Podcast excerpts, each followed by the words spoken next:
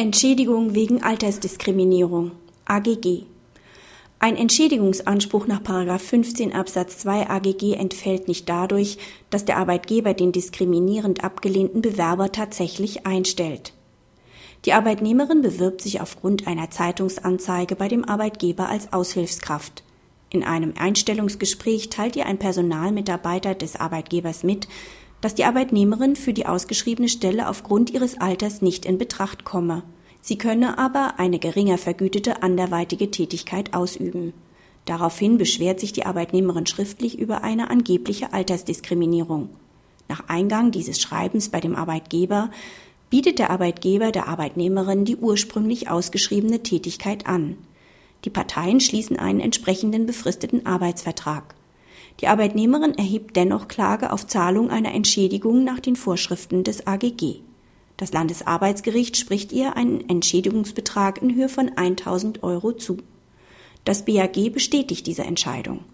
Der Arbeitnehmerin steht nach 15 Absatz 2 AGG eine Geldentschädigung zu, weil sie der Arbeitgeber entgegen 7 Absatz 1 in Verbindung mit 1 AGG wegen ihres Alters benachteiligt hat.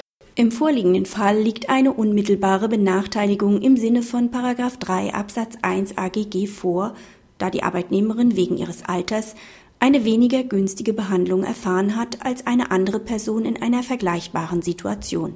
Die zunächst vom Mitarbeiter des Arbeitgebers erteilte Auskunft, die Arbeitnehmerin komme wegen ihres Alters nicht für die ausgeschriebene Stelle in Betracht, knüpft unmittelbar an an ein verbotenes Diskriminierungsmerkmal. Die Arbeitnehmerin wurde damit ungünstiger behandelt als andere potenzielle Bewerberinnen. Dies gilt unabhängig davon, ob sie bei passendem Alter tatsächlich eingestellt worden wäre.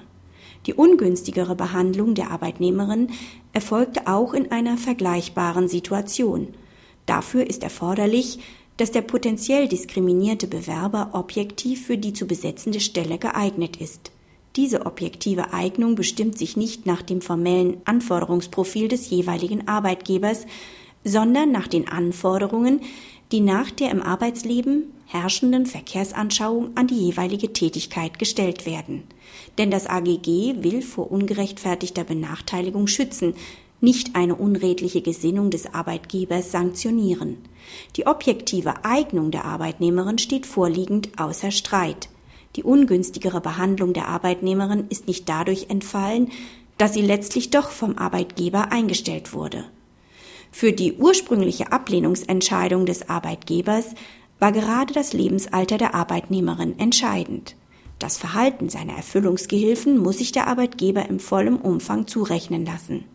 Der Entschädigungsanspruch nach 15 Absatz 2 AGG setzt keinen schuldhaften Verstoß des Arbeitgebers gegen das Benachteiligungsverbot voraus.